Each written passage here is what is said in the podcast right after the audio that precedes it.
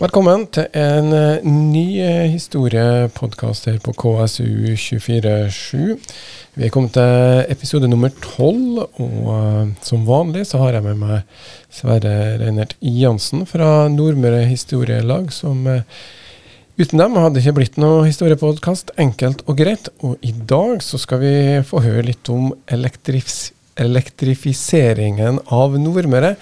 Her må man holde tunga rett i munnen, og ikke minst da høre historien om Nordmøre elektrisitetsverk, også kjent som eh, NEAS. Og For å hjelpe oss med den historien, her, så har vi med oss Edvin eh, Bakken. Eh, god dag til deg. God dag. Ja, Sverre, det her er en historie om Nordmøre og elektrisifiseringa. Men det handler mye om at kristiansunderne trengte litt strøm?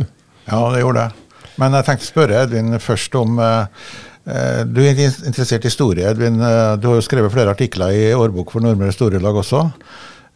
To om kraftverkene på Nordmøre, og en om Harry Mathisen og hans virksomhet. Interessante artikler, den siste fra årboka i 2020. Men hva har du drevet med egentlig, siden du er så interessert i entreprenørvirksomhet?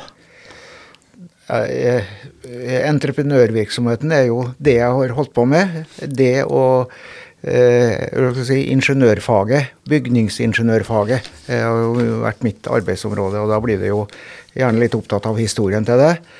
Og når det gjelder NEAS og eh, kraftverkene til NEAS, eh, så kommer det jo av at jeg har, eh, som en del av det yrket har utøvd, har hatt eh, tilsyn, løpende tilsyn, kontroll med NEA sine kraftanlegg, eh, som da er et, eh, et tilsyn som NVE pålegger kraftverkene å ha. Men jeg har da hatt det på vegne av NEAS, og hatt det siden eh, 94. Så du har vært og sett alle disse kraftverkene som vi skal snakke om nå, du da? Ja, du skulle bare visst hvor mange tunge turer jeg har hatt oppe, i terrenget og oppe i bratte bakkene der. Ja, du hadde det. Jeg har jo sett eh, noen kraftverk, jeg også, og sett at det er ganske tungt, ja. Men eh, la oss eh, starte med begynnelsen. Dette med elektrifiseringa av Nordmøre, altså med strømmen til Nordmøre. Eh, det var jo ikke sånn eh, rundt århundreskiftet at det nødvendigvis var strøm. Jeg mener forrige århundreskifte rundt 1900-tallet, det var jo ikke strøm da. Nei, ja, det begynte jo faktisk, Du kan jo si litt om det, for det var jo en del av disse industriene i Kristiansund som fikk strøm ganske tidlig. Ja. Ja, Det var jo slik at uh, slutten av 1800-tallet så var strøm noe som ble uh, et, et, et, moderne tema. Uh, vi kjenner jo Edison med glødelamper, og vi kjenner magnetismen som fikk sin utvikling. Eh, det var, eh, det var, mye kamp mellom eh, synspunktene om likestrøm eller vekselstrøm hvis man skulle distribuere strøm. Men i starten så jo, skjedde jo strømproduksjon ved at man kobla ei dampmaskin eller en annen motor til en generator og produserte strøm på den måten. Var det det man gjorde på gommafabrikker, eller var det det man gjorde på, på uh, Reperbanen f.eks. For, eksempel, for å få strøm? Ja, alle, uh, begge de to der samt uh, det som heter Kristiansund Preserving, fikk sine egne ly, kall det lysanlegg i, mellom 1899 og 1902. De brukte det til lys stort sett, da? Altså det, Ikke bare stort sett. Det var lys som var spørsmålet den gangen. Ja. Eh, for eh, vi kommer litt lenger ut, eh, til 1906, når Kristiansund kommune begynte å utrede det med strøm. Så uttalte jo statsingeniør Bekkstrøm at man ikke skulle se bort ifra at elektrisitet kan også brukes til koking i en fremtid. Så han var fremsynt. Ja, men det var luksus egentlig å tenke noe annet enn, enn til koking, da, på et vis, eller til, til lys, først og fremst. Det var, ja, det var lys som var, var målet. Så han brukte ikke til maskinene sine? Nei, for da, da, krevdes det helt andre mengder strøm enn det de greide å produsere med de relativt små anlagene de hadde. Ja, jeg, har, jeg bor i Vågen. Jeg Har hatt eh, ei tante som har bodd i Vågen der jeg bor nå i mange år og gått rundt Vågen. Og, og så har jeg sett bilder av mye av gass, gass, gassverka i Kristiansund. Eh, var det en sånn lyskilde? skal jeg si? Ja, altså Det som eh, skjedde, må jo kanskje starte litt lenger bakafor. Eh, det med elektrisitet ble jo en, en nødvendighetsartikkel overalt i Norge etter hvert. Det var pionerer som var ute ut og gikk. Nå så fremmedarter som Hammerfest by hadde elektrisk gatebelysning i 1891. Ja, det var tidlig. Ja. Så i 1897 så hadde satt, satte kommunen en eh, det, Da het det en lyskomité, for det var lys som var, eh, det var tenkt. Skjedde ingenting, og i 98 så kom det en ny komité uten noe resultat. Og nummer tre kom i 1905. Eh, og da var det litt mer fart i sakene. Det var Da ble det vurdert av også det med bruk av eh, vannkraft som produksjon, det å produsere strøm, eh, var kommet inn som, eh, som et aktuelt alternativ.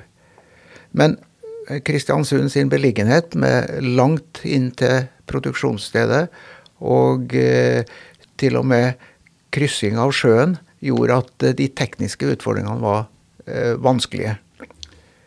Edvin, jeg ble litt nysgjerrig på starten. Eh, du snakka om likestrøm og vekselstrøm. Vekselstrøm er jo det vi har 220 volten ja. i husene i dag, og likestrøm er vel pluss-minus, sånn som ja. du har på en bil. Ja. Var det to ledninger fra kraftverkene, eller hvordan var det det fungerte? sånn til å begynne med? Nå begynner du å komme inn på elektriske spørsmål, og det er ikke, det er ikke like lett uh, for meg å svare på. Men uh, det vesentligste forskjellen var at uh, eh, likestrømmen kunne du ikke sende så veldig langt gjennom nettet før den ble, ble for svakt. Vekselstrømmen derimot kunne du sende over lengre distanser. Så og Det måtte det, jo være viktig i og med at Kristiansund lå så langt unna, som ja, du snakka om. Ja. Men så begynte jeg å leite, da, sannsynligvis, etter hvert etter kraft og etter fossefall og sånn som må kunne brukes? Man man starta jo med å konkludere i, i 1906 at eh, elektrisitet må vi ha, men det beste vi kan få til, det er et gasskraftverk. Og det ble, ble da etablert i Vågen, der eh, det, det kom i drift i eh, 1907 eh, hvor de da produserte gass for den som ville bruke det, men også eh, produserte eh, elektrisitet via, eh, via, ledningsnettet til billandene for eh, å sende gassen til, eh, til utenom Kirkelandet var ansett for teknisk komplisert. Altså sjøledninga for gassen var ikke eh, teknisk farbart den gangen. Nei, men strøm fikk de bilene om? De fikk strøm til belysning. Ja. 200 volts ja. vekselstrøm. Ja. Men det var ikke tilstrekkelig etter hvert. Så um, etter hvert fikk man vel egentlig um, blod på tann til å lete. Det var jo noen private som begynte egentlig med å lete etter fossefall og, og skaffe seg uh, rettigheter til, uh, til fallene. Ja, så Det var jo allerede før århundreskiftet at det var en del eh, lyse hoder som så business i det som hadde med ja. elektrisitet å gjøre. Slik at eh, allerede før århundreskiftet så var det, var det, folk som reiste rundt og kjøpte opp fallrettigheter og utbyggingsrettigheter for billige penger. De, eh, eh, verdien av det der ble nok ikke forstått den gang sånn, sånn som det gjør i dag. Nei, det var billig. En grosserer Konov han fikk jo et uh, anlegg her som med fallrettigheter uh, i Ålvundvassdraget for 10 000 kroner. og Det var jo egentlig uh, kanskje mye penger den gangen, men likevel småpenger. det ville nok vært noen andre summer i, i, dagens målestokk. Men, men, altså, man starta med, med gassverket. Og det var for så vidt en suksesshistorie, for behovet for strøm var der. Og behovet for gass var der. Man brukte jo da begge delene i og med at man produserte det.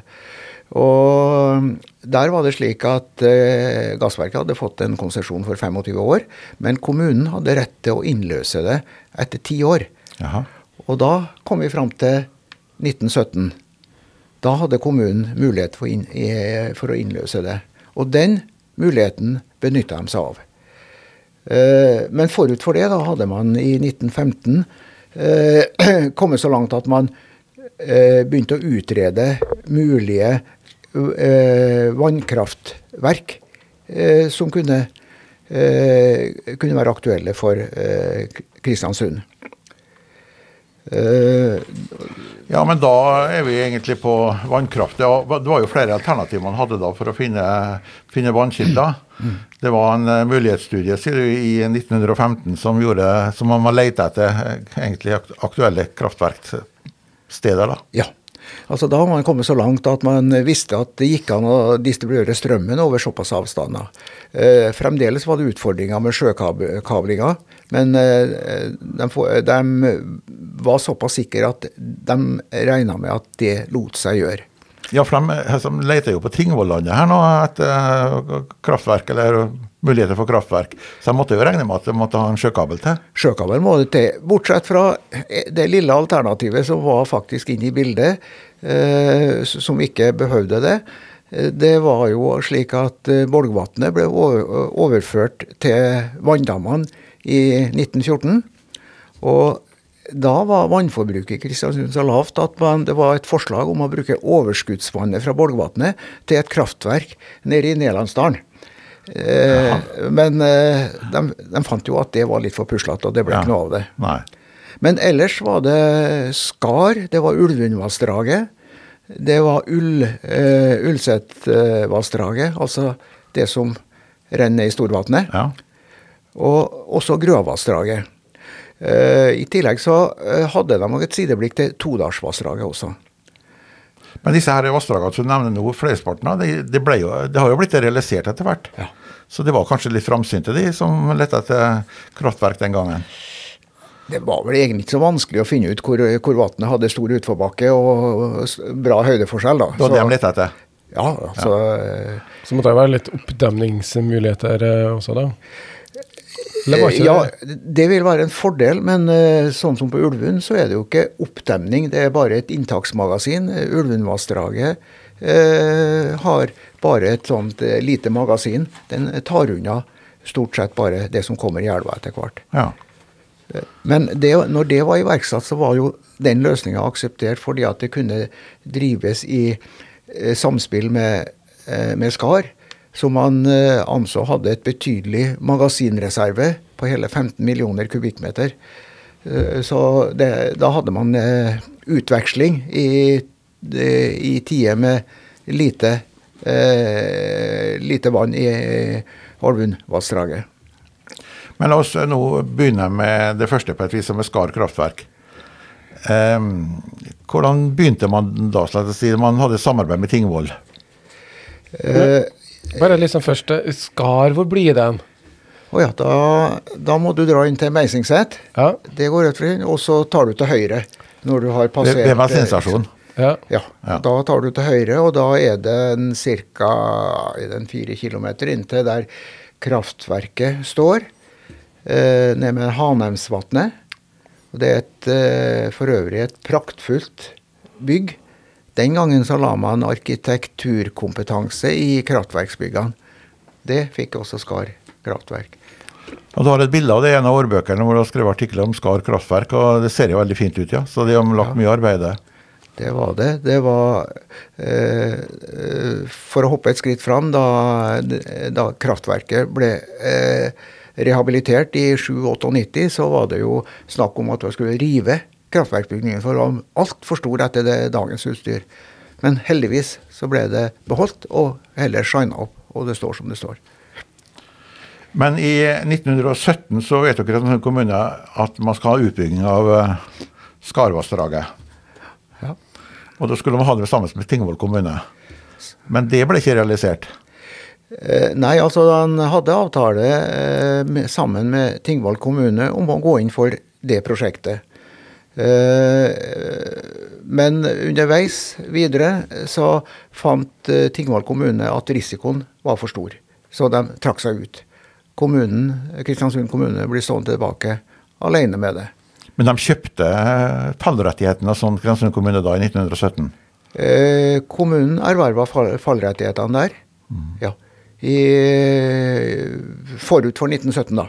Så, eh, Ja, men så ble iallfall en søknad om konsesjon ble sendt i 1917 til eh, sannsynligvis til Vassdragsvesenet eller noe sånt, da, som Ja. eh, sørga for at den eh, Ja, det var jo en del problemer med det. fordi at eh, amtmannen var jo ikke enig i at det skulle være sånn. Nei, nei, det var jo i, i forkanten av eh, arbeidet med Skar kraftverk, så var det jo et initiativ fra amtmannen i Møre og Romsdal om å- at eh, man skulle eh, bygge ut eh, Istavassdraget i fellesskap mellom Molde og Kristiansund, og ville at Kristiansund skulle delta der. Det står det i historien at det var noen møter omkring, men det ble ikke noe realitet. Og deretter gikk da Kristiansund videre alene med Skar som alternativ for sin del. Men Amtmanns innsigelser det forsinka ikke så veldig mye drifta, eller altså utbygging av Skar kraftverk, gjorde det? Fordi at eh, de fikk jo ganske fort en konsesjon. Ja, eh, de opererte litt eh, enklere i forhold til myndighetene den gangen enn det vi er vant til i dag. I dag skal jo omtrent alt være planlagt ned til minste detalj før du får en konsesjon. I 1917 så fikk man etter noen måneder så fikk man en midlertidig anleggskonsesjon fra NVE. Og den jobba de etter helt uh, i 1919, da man fikk den endelige konsesjonen. For den endelige konsesjonen ble gitt ca. et halvt år før kraftverket ble eh, satt i drift. Men uh, Så det var en sjanse på et vis å ta det. da. Hvis de ikke har fått en konsesjon, så har det kanskje vært uh, fåfengt arbeid som har gjort på Skar kraftverk til å begynne med. Jeg vet ikke hvordan det forholdt seg, men eh, det var jo tross alt en konsesjon. Den var midlertidig. Ja. Og det var noe veldig rart hvis, de, eh, hvis det var så store usikkerheter behefta med det at de ikke kunne sette i gang. Men ikke desto mindre, amtmannen i Molde, han, øh, han øh, ville når det ikke gikk med det gode, så prøvde han med, på den andre måten. Og prøvde med det som var skrevet med alle konsesjonsmidlene, med konsesjonsbestemmelsenes midler, å stoppe utbygginga på Skar. Selv, selv etter at arbeidet har foregått et års tid der, så ble det gjort eh, anstrengelser for å stoppe Skar kraftverk. Så vi var ikke heia på fylkeskommunen på et vis. Ikke den gangen heller. Jeg tenkte jeg skulle legge det i munnen på deg. Eh, Men uh, dette med å bygge ut Skar kraftverk var jo ikke noe sånn enkel affære, for det var jo en del problemer underveis her nå. Det så uh, veldig greit ut til å begynne med. Det var jo et, uh, et, et, et ryddig prosjekt. Eh, men oppstarten var jo da i Det starta i 1917, eh, holdt på i 1819, eh, helt ut til 20. Altså i eh, eh, etter, etter, etter at første verdenskrig var slutt. Det gjorde at bl.a. sånn som turbinrør, rør til, fra dammen og ned, de var veldig vanskelig å skaffe den gangen. Og veldig kostbare. Eh, Så dermed eh, ble det til at man etter en del faglige vurderinger valgte å lage en tunnel helt fra inntaket i dammen og helt ned til kraftstasjonen. Slik eh, som da i, i fagspråket heter en råsprengt tunnel. Altså man eh, sprengte ut tunnelen og lot den føre vannet ned uten noe mer dikkedarer. La ikke noe rør i, i den tunnelen, da. I- Ikke, ikke i det hele tatt da, i utgangspunktet. Eh, Det ble gjort eh, fordi at det var da et alternativ når både leveranser, kostnader eh, kom inn i bildet for rørdelen. Eh, Det ble gjort også på et par andre kraftverk som ble drevet i samme tida. Eh, Det usikre med, med der er jo at en tunnel er tett nok. Og der hadde man jo eh, eh, dratt inn kompetanse fra en professor Skjetelig eh, fra Universitetet i Oslo, som da eh, hadde vurdert det der og funnet ut at her var det absolutt tilfredsstillende forhold. Eh, han ble da ikke i ettertid konfrontert med hvor mye feil han hadde tatt, Nei. men uh, det, det var altså desidert feil. Ja. Men det endte med en annen løsning. Ja, at man eh, ferdigstilte jo hele tunnelprosjektet og testa det ut med, med å sette vann på. Og, og, det vanntrykket man skulle ha. Og det var betydelige lekkasjer. Svært store lekkasjer. Som gjorde at man ikke Det kunne ikke drives på den måten. Nei. For det er bare en utsprengt tunnel, og det er masse små hull og utettheter som gjør at rett og slett vannet blir, kommer ikke frem så mye ja. som det skal. Oppsprukket og dårlig kvalitet på fjellet, som da han gode Shettelik burde ha funnet. Uh, så det, det, der ble et betydelig problem. Det ble gjort en rekke forsøk på å tette. Man prøvde bl.a. å støpe ut en del av den nederste delen av tunnelen der hvor trykket er høyest. Man altså forskarte et rør inni tunnelen. Eh, så gjorde man jo det lite lure foretaket at man lot forskarningssporene, altså at treverket, stå, stå, igjen og satte på vannet. Hvorpå man fikk en betydelig samling med trelast like foran inntaket til turbinene. Men altså, utstøpinga hjalp ikke. Det var fremdeles for store lekkasjer. Eh, så mens man sleit med det der, da, så valgte man å eh, Slepp, eh, sette, sette, på et mindre vanntrykk. altså Man utnytta ca. 75% av fallhøyden. Man lot det altså renne et stykke ned den første delen av tunnelen før man lot det bli trykk på det, altså fylte opp tunnelen. Eh, så man fikk ca. 75% av kapasiteten ut av det, med fremdeles betydelige lekkasjer. Men det gjorde at Kristiansund fikk eh, elektrisitet fra Skar fra 9.12.1920. Ja. Så det er altså vel 100 år siden nå den første strømmen kom til Kristiansund fra Skar. Og det var midt på vinteren og juletid der, så fikk man altså lys til byen, da, rett og slett. Mm, ja. Men det var jo ikke så lett for Kristiansund heller, fordi at eh, økonomien var jo ikke så god i den tida. Det var jo like etter, like etter andre, første verdenskrig, dette her. Så det var jo en vanskelig tid for Kristiansund også. Så de måtte jo bruke en del midler for å få bygd disse tunnelene. Og, og det endte jo opp med at du bygde en, et rør skal jeg si, i, i friluft. Ja. Ja, altså Alternativene eh, som kunne være jo gjenstand for en betydelig eh, forskning fra de som hadde eh, greie på det. Det var, det var, i alt tre forskjellige anlegg som eh, eh hadde det problemet som Kristiansund ja. hadde. Mm. Eh, de to, to, andre lot seg utbedre med å støpe igjen. Kristiansund fant dem lot seg ikke gjøre. slik at løsninga der var at man Eh, kobla ut, eller gikk ut av tunnelen et godt stykke opp, i, nedfor, eh, opp for stasjonen og la røret på terrenget ned til stasjonen. Den, det valget var også gjort fordi at mens man gjorde det arbeidet, så kunne man fremdeles produsere strøm til byen. Alle andre løsninger hvor du skulle prøve å gjøre noe med tunnelen, betydde bom stopp for eh, strømlevering, og det var også et dårlig alternativ.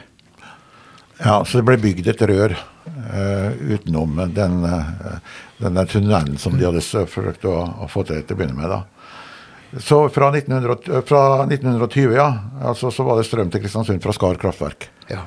Og Da hadde de allerede bygd ut eh, kablene, skulle du si, eller høyspentledningene? Ja, parallelt med selve kraftverket så gikk jo arbeidet med selve stasjonsbygninga og installasjonene der. Overføringene til Kristiansund, sjøkabler Eh, hele, hele, det leddet. Men eh, problemene var jo eh, var ikke bare store, de var, de var enorme. Kristiansund var jo i seg sjøl dårlig stelt med de kostnadene man fikk ekstra for, på kraftverkene, så ble det jo ekstra ille. Man fikk en del ekstra støtte eller ekstra lånemidler fra det offentlige for å kunne fullføre det. For det så også offentlige myndigheter at det var det eneste farbare. Få, få det i drift. Men uh, i realiteten var jo Kristiansund uh, kommune konkurs på, uh, på den tida. Ja, så Hvis Robek-lista har vært, så har Kristiansund kommune vært på Robek-lista den, den tida der. Sikkert. uten at jeg kjenner til um, bakgrunnsmaterialet, så var det veldig rart hvis de må komme seg unna. Men var det på en måte kundene, eller hvem var kundene eller forbrukerne, vi har kalt dem i dag? Ja, det, det, var jo litt av gamblinga for dem som starta med kraftutbygging på den tida, fordi at du hadde ikke et, et sikkert kundegrunnlag. Eh, for Skar så var det bl.a. Eh, aktuelt med gruvedrift på eh, Meisingset den gangen. Det ble ikke noe av det, men det var jo et, et potensial som man så. Men, men, ellers var det, var det da til husholdninger. Men også, på den tida det var ferdig, så var det også til industrien.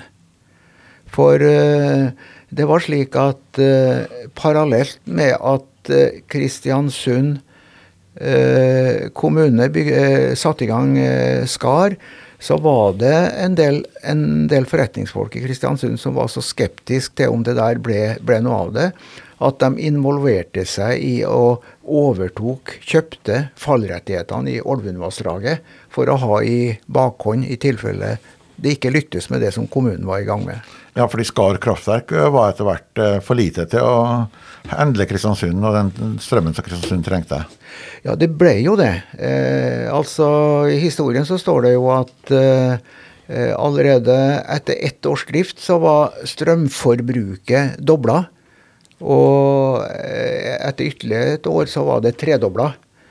Slik at eh, tidlig på 30-tallet så hadde man jo brukt opp det man hadde av reserve i Skar kraftverk, som selvfølgelig ikke hadde et 100 kundegrunnlag eh, fra starten av. Så da det, gikk det til mer enn lys, ja. Da gikk det til maskiner, og ja. da gikk det til industrien i Kristiansund, da, det, ja, området her. Ja, eh, ja det, det, gjorde det. Blant annet var, var de første eh, forsøka med klippfisktørking innendørs var kommet i gang på den tida. Right. Og, og, det var disse klippfiskbaronene, som det vel blir kalt, mm. som var blant initiativtakerne til, eh, til det eh, egne foretaket. Ja, og det betyr egne foretaket var egentlig Ålvundvassdraget. Det var det som de satsa på den gangen. Ja. Men det var det som ble utbygd etter Skar kraftverk, da, så kommer Ålvundvassdraget? Det kom som neste etappe. i Hvor det ligger det hen? Ja, Ålvundfossen eh, kjører vi jo nest, stort sett over når ja. vi kjører inn til indre strøk, inn til, mot Sunndalen eller inn, inn andre veien mot Todalen. Vi kjører jo over eh, brua over toppen av Så det vi kaller Olvundfjorden, der var Olvundvassdraget på et vis eh, eh, ja. ja. Der ligger det jo noen rør i dagen også? Eh, ja. Nedover fjellet der?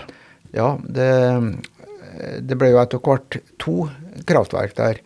Eh, Ulvund kraftverk er jo det nederste. Det bruker fallet fra to fosser der. Det er Brekkfossen som er øverst oppe, der dammen står i dag, inntaksdammen. Og så er selve Ålvundfossen, som er den nederste delen nedafor der veien krysser ja. vassdraget. Ja. Eh, og Ålvundelva får jo en del av vannet sitt fra Reinsetvatnet, eller Vatna, det var flere vann der inne, som ligger altså på venstresida når du kjører inn til Sunndalen. En eh, fire tre-fire kilometer fra eh, Ålvundfossen inn mot Sunndalen. Ja. Mm. Og det er der jeg ser disse rørene som går nedover, sant? Der ligger det rør, og der går det ei trapp opp til toppen. Og der eh, kan jeg, kan jeg bekrefte etter nitidig telling at det er 1030 trappetrinn å gå for ja, å komme gått, helt opp til toppen. Du har gått opp der, du. det spekulerte vi på når vi kjørte forbi bilen, om hvor lang er den trappa. Ja, jeg har, bek bekrefta tall der. Men det kjøpte Kristiansund kommune etter hvert av rettighetene. Da kjøpte Kristiansund kommune for eh, ja, ikke så veldig dyrt, det er 50 000 kroner?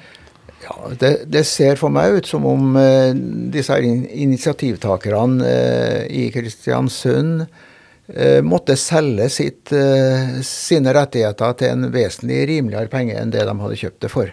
Ja. Kommunen betalte 50 000, og Uh, og initiativtakerne hadde betalt i størrelsesorden 130 000. Så det ble en del tap på de? Kommunen gjorde penger? Vet ikke. Og det har de gjort siden på Ålundvassdraget, så det har vært uh, sikkert en god forretning, det? Ja, altså Skar har jo også vært en god, god forretning, for det har jo rusla godt nå i over 100 år. Ja. Og øh, har vært driftssikkert og produsert det det skal. Men nå Edvin, har vi sagt om to kraftverk. Vi har sagt litt om eh, Skar kraftverk, og vi har sagt litt om Ålvund kraftverk. Det får være nok eh, før vi tar en liten pause, tror jeg. Du hører da på podkasten 'Historie fra Nordmøre', som eh, vi på KSU247 gjør da med stor hjelp fra Nordmøre Historielag. Og vi har Edvin Bakken eh, med oss i dag. Vi skal, har hørt om elektrifiseringa av Nordmøre, da spesielt Kristiansund, som hadde behov for strøm. Og vi har fått høre noe om Skar eh, kraftverk, veien fram til det, og også da Ålvundeid kraftverk, kaller vi det egentlig? Ulvund kraftverk. Ulvund kraftverk. Men ved Ulvund kraftverk, så ikke langt derifra, så ligger det et annet kraftverk opp til venstre, liksom, hvis du kjører fra byen eller ja, fra Tingvoll mot, uh, mot Sunndalen, så ligger det et annet kraftverk. Og det heter Reinset kraftverk, gjør det ikke det? Ja, men selve kraftverket ligger på høyresida, ja, ned ved elva. Men, eh, men, eh, men, men, den tunnelen som de bruker, eller det her røret som de bruker, pluss mm. vannet, ligger på venstresida. Ja, ja, helt riktig. Hva er å si om det? Altså, var det viktig for Kristiansund å få tak i et sånt uh, kraftprosjekt? Ja, det, det, var jo en del av de, eh, de problemene som oppsto med en voldsom økning av elektri elektrisitetsbehovet som var. Eh, Skar for, økte jo forbruket formidabelt i løpet av kort tid. Så tidlig på 30-tallet så, så var man jo i mangel på strøm. Og da var det at man kasta øynene sine på Ulvund, som ble utbygd på veldig kort tid med et første aggregat i 1938 til 39, ble satt i drift i 39. Men allerede umiddelbart etter at det første aggregatet var satt i drift der, så eh, bestilte man aggregat nummer to. Og for å ha litt eh, magasinreserve, så bestemte man seg også da for å bygge en dam i Reinsetvatnet, i første omgang som magasin for at man skulle ha vintervann til Ulven kraftverk. Uh, I og med at man innså at uh, det ville ta litt tid å få bygd en dam i Reinsetvatnet, så, så, var de såpass friske at de bygde opp et magasin oppe i Rendalsvatnet, langt inn i Inderdalen, som ligger på 1090 meters høyde. Eh, der bygde man opp et lite magasin. Det ble relativt fort etablert i 42. Altså på ved siden av Reynoldsetra og Innerdalen? In, ja, og, ja, vesentlig lenger inn. Og vesentlig høyere. Og det vannet skulle gå ned i Reinsalvatnet, da? Ja, det, det, var et rent vintermagasin som man, som man da slapp vannet ut på, på vinterstid. Større, fikk større vannføring i elva om vinteren, mens det ellers var lite tilsi. Ja. Og det var eh, samme eh, hensikt med Reinsetvatnet som basis, at man eh, hadde et magasin å hente noe fra. Men det var egentlig tenkt for Ulvundvassdraget, det? Ja, magasin for Ålvundelva, ja. Orlund, ja. Men eh, fallhøyden for Ålvund var jo egentlig ganske liten, 85 meter, var det ikke det? 85 meter på ja. Ålvund kraftverk, ja. Det kunne ikke bli all verden med kraft kanskje av det, av det, der eh, til vanlig? Nei, men det er en, en forholdsvis stor vannføring da, i ja. forhold til det du får fra, regn, eh, fra det som da ble Reinstad kraftverk, ja. og som har eh, ca. 270 meters fallhøyde. Ja, det er jo mye mer. Ja.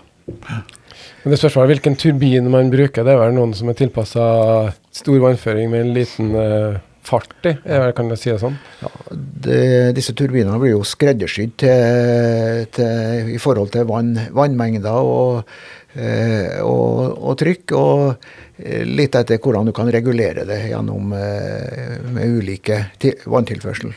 Men det var krig. Det var jo rundt 1942 dette her, så det var ikke så lett å få til det. Nei, det var jo De kom jo oppi det så uheldig som de kunne gjøre da, med, med, det der. Det ene var jo at det var jo lagt planer for eh, Reinseidvatnet. Og, og, man hadde jo da i sideblikket tanker om at det, det ble et kraftverk i en neste omgang. Alt etter utviklinga. Eh, det som gjorde at det ble ekstra problem, var jo at eh, etter bombinga av Kristiansund, så ble det satt opp en hel del brakker og de brakkene ble lagt opp til elektrisk oppvarming. altså med panelovner eller med varmeovner, som gjorde at du fikk et enormt økning av eh, kraftbehovet. Ja, Det vil jeg tro, fordi isolasjonen på de brakkene var ikke helt topp heller. Ja, det kan jeg nok godt tenke meg. Nei, Så det gjorde det ekstra at du, du fikk en voldsom økning på behovet.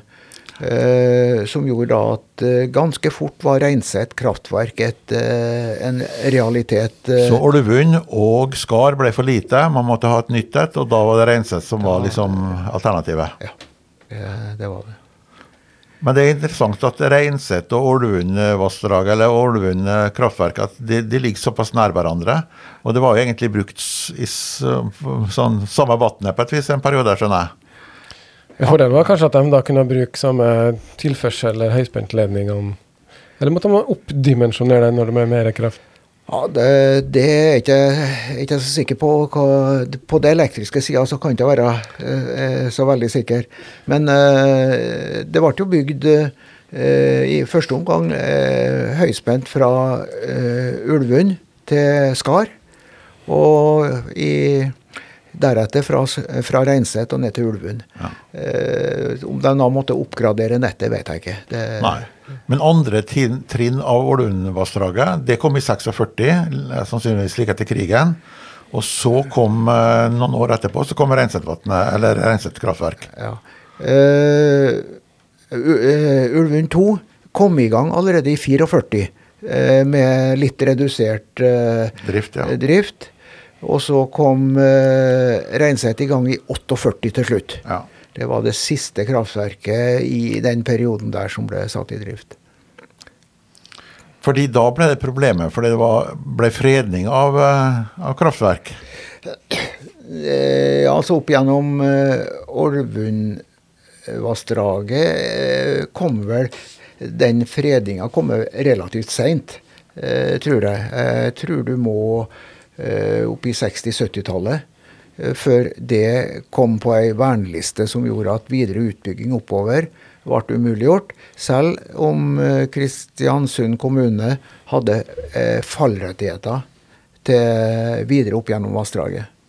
Men de fallrettene kunne man ikke bruke da? Nei, det, Nei, for de ble fredet da. ble, Og da prøvde han seg med en del andre vassdrag i tillegg. altså Nå var Ålvund utbygd, nå var Reinset utbygd, og så prøvde han seg med Todalen, men det var vel heller ikke så vellykket. de prøvde seg ikke så veldig, for det ble De hadde oss De leide fallrettighetene i Todalsvassdraget, men i 32, i forbindelse med gjeldssanering og forhandlinger med myndighetene eh, om økonomien i kommunen, så ble kommunen tvunget til å gi fra seg de rettighetene der også, og føre dem tilbake. Antagelig for å spare kostnader. Eh, og Todalsvassdraget har jo senere også blitt eh, freda, så det, er uaktuelt, det, det har blitt uaktuelt for å, eh, for å kunne få bygd ut noe der. Men det er ett kraftverk igjen, da. Det er Grøavassdraget, eller Grøa kraftverk. I, eh, satt på, i drift i år 2000, eller noe sånt ja, kring der. Ja. Ja, hvor ligger det hen? Det ligger på Grøa, det sannsynligvis. Ja, det, det er jo et lite stykke opp, eh, oppover Sunndalen, Ja. på Grøa. Kraftverket, du ser, eh, ser eh, inngangen til tunnel. Ja. Ser du fra veien. Du passerer bare 15-20 meter Det er bygd inn i fjellet, det. Det er lagt inn i fjellet, ligger godt inn i fjellet. Og går opp til et inntak på, i Dalasetra. Men det er også da et kraftverk som bare tar unna det vannet som kommer ned etter hvert. Det er ikke noe magasin der. Nei. Det er et rent bare en inntakskull. Men det er Kristiansund eller Nea som eier, er det det? ja, det er det. Så det er ganske mange kraftverk rundt omkring da, som er store og små, som Kristiansund har erverva etter hvert. Og som hjelper oss med strømmen. Ja, det er jo fire, fire kraftverk, da. Eh, I dagens målestokk så er de, eh, de, de er ikke veldig store sett i forhold til det de store kraftselskapene har, da. Det er det ikke. Hva er det som er størst av disse fire, da? Nå spør du om elektriske ting, og da, da, da kommer jeg utafor det jeg kan noe om. Ja. Eh, nei, jeg skal ikke si det sikkert. Men jeg kan jo, kan jo nevne at da i 1917, da, Nea, da det ble starta Skar, så var det allerede etablert eh, 14 mindre lokale kraftverk på Nordmøre. Altså folk som hadde en bekk som skaffa dem strøm til gården og kanskje til naboen. Men nå er jo det blitt populært igjen? Ja, det hadde den, den gangen så falt det jo der mer og mindre bort, for de var jo tungdrevet, og du var jo avhengig av at du fikk strøm fra ditt verk. Og la det seg for is eller tetta igjen, så var strømmen borte. Når det i dag kan drive småkraftverk, så er det jo bl.a. fordi at du har mer tekniske hjelpemidler. Du har mer automatikk, mindre tilsyn og drift, og du har et, et nett å falle tilbake på hvis du mister strømmen fra ditt eget verk. Så dermed er det blitt mer Eller du kan ha et e-verk på taket? Ja, det kan du Ja. Det er jo på Gylsetra, Gylvatnet Oppå der er jo et lite kraftverk, men det er ganske relativt nytt, det da, sånn sett? Eh, det var bygd ut omkring 2005, tror jeg det var.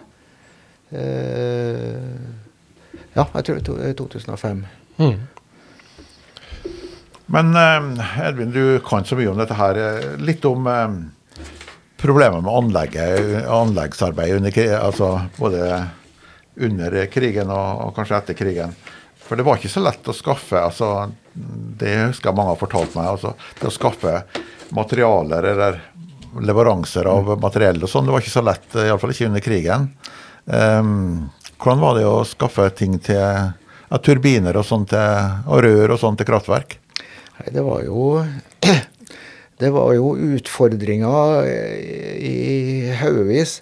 Eh, vi sitter jo i dag og beklager oss over offentlige myndigheter og at vi må søke om ditten og få godkjennelse for datten, men eh, du verden. Det var, en, det, det var hverdagen den gangen. Det ble jo satt i gang basert på muntlige tilsagn om man skulle få nødvendige materialer for også den tyske myndighetene i utgangspunktet var positive til at eh, prosjektet ble, i eh, ble igangsatt.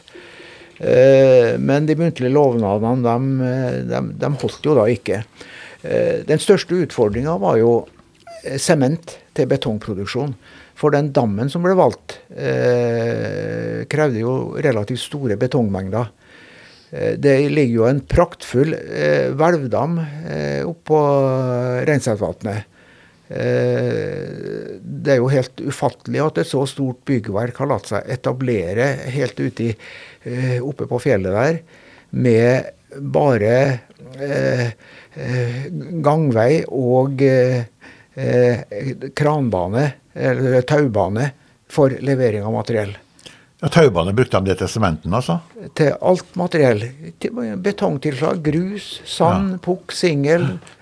Eh, det de forsøkte seg for å få, få ordna lokalt, det var trematerialer til forskalinga. Ja. Det ble gjort ved å hogge skog i området, og hadde et sagbruk der. Ja.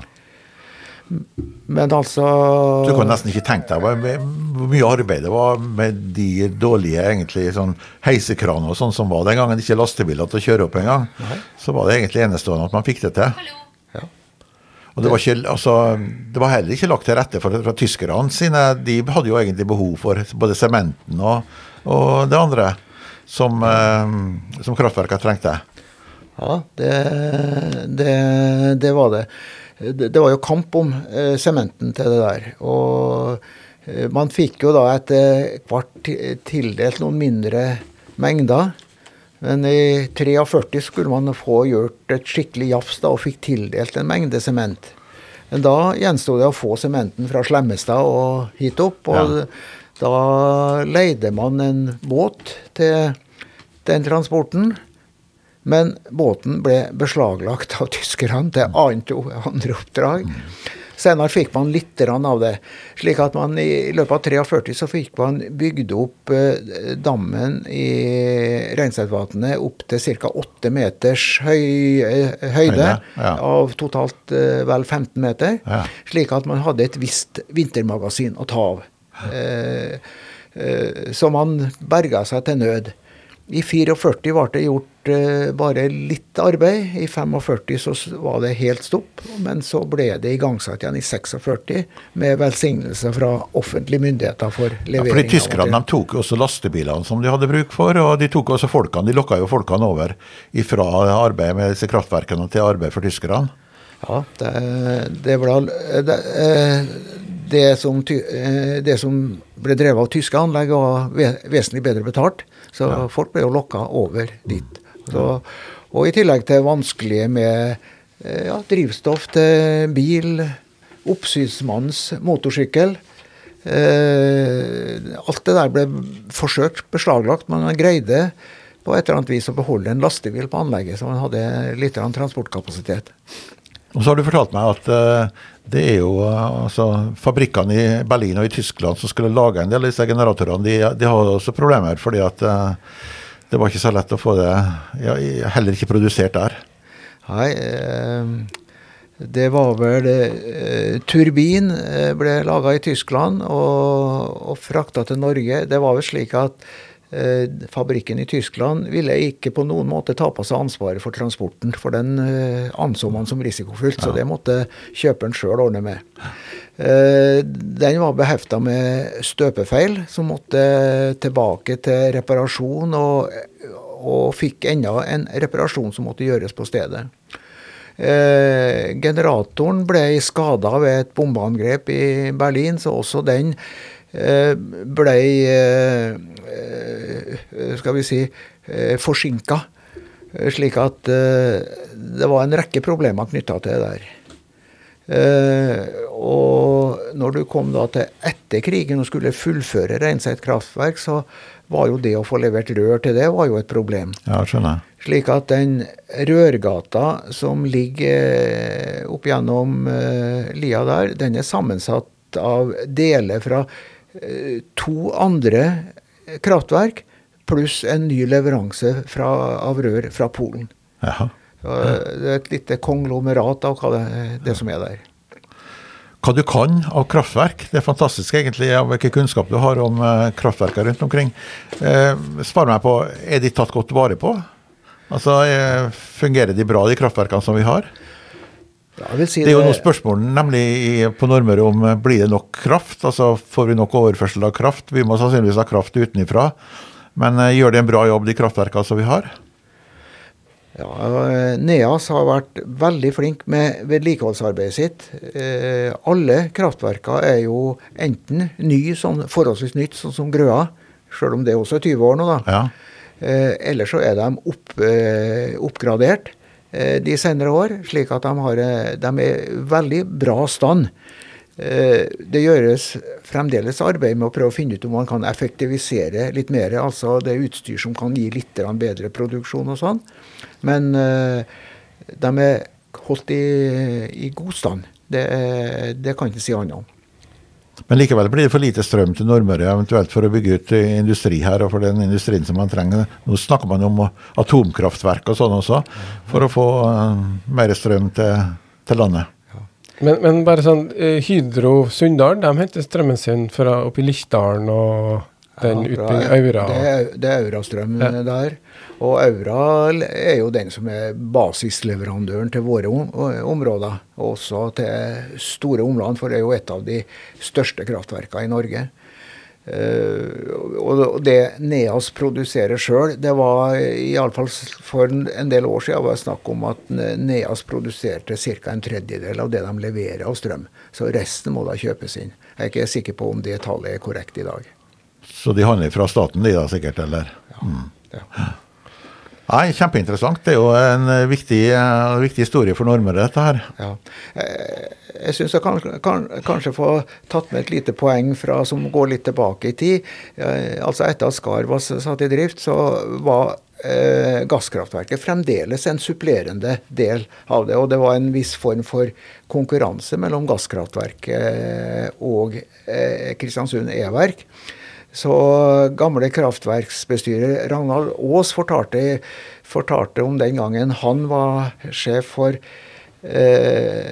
E-verket, og eh, de hadde en annonsekampanje om hvilket lys som var det beste. Men han mente at han slo, eh, slo alle påstander fordi han kunne si at 'vårt lys lukter ikke'. Nei. Men det gjorde gasskraftverket sitt lys, kanskje? Ja. Det, det, var jo, ja. det, var jo, forbrent gass. Ja. Men Tyskerne var jo ute etter det. Jeg husker det fortalte under krigen at det, det var en forsøk på bombing av gasskraftverkene i Vågen. Men de greide det ikke. Men de gjør jo veldig mye av den eh, tilførselen, da, eller utførselen fra kraftverket med ledninger og sånn, som ble ødelagt under krigen 1940. Interessant historie om eh, strøm, og det er fortsatt eh, like aktuelt eh, ennå. Hvor skal vi få kraften fra? Og ren eh, norsk vannkraft er jo det vi skal stole på en stund til ennå. Så tusen takk til deg, Edvin eh, Bakken, og ikke minst også til deg, Sverre Reinert Jansen, som har bidratt eh, med det her eh, da. Neste gang har vi en eh, plan om hva vi skal snakke om da, Sverre? Nei, men da har vi eh, Ole Jørgen Virum, som eh, kommer hit og snakker litt grann før han drar til, til Syden. skulle jeg si. Han skal visst feire høsten i Syden, men han eh, kommer hit og snakker om transporten til Grip. For det har vært en lang historie, egentlig, hvordan det har skjedd. Han har jo vært med på den transporten sjøl også. Men det er også en historie som er interessant for Nordmøre. fordi eh, Grip ble jo innlemma i Kristiansund i 64, og, og Kristiansund fikk jo ansvar for det. Og så var det mange år fra uten noe særlig forbindelse, og så har det tatt seg opp nå, da. Men eh, det er veldig mange eh, kommunikasjonsmidler med båter og sånn som har vært brukt gjennom årene for å komme seg til Grip. har ute rett og slett eh, sin historie neste gang her på Historie fra Nordmøre. Et uh, podkast med Nordmøre Historielag og KSU247. Har du innspill, spørsmål, send gjerne en mail. Det er da post uh, alfakrøll ksu247.no. Mitt navn er Charles Williamsen, og da sier jeg bare takk for i dag.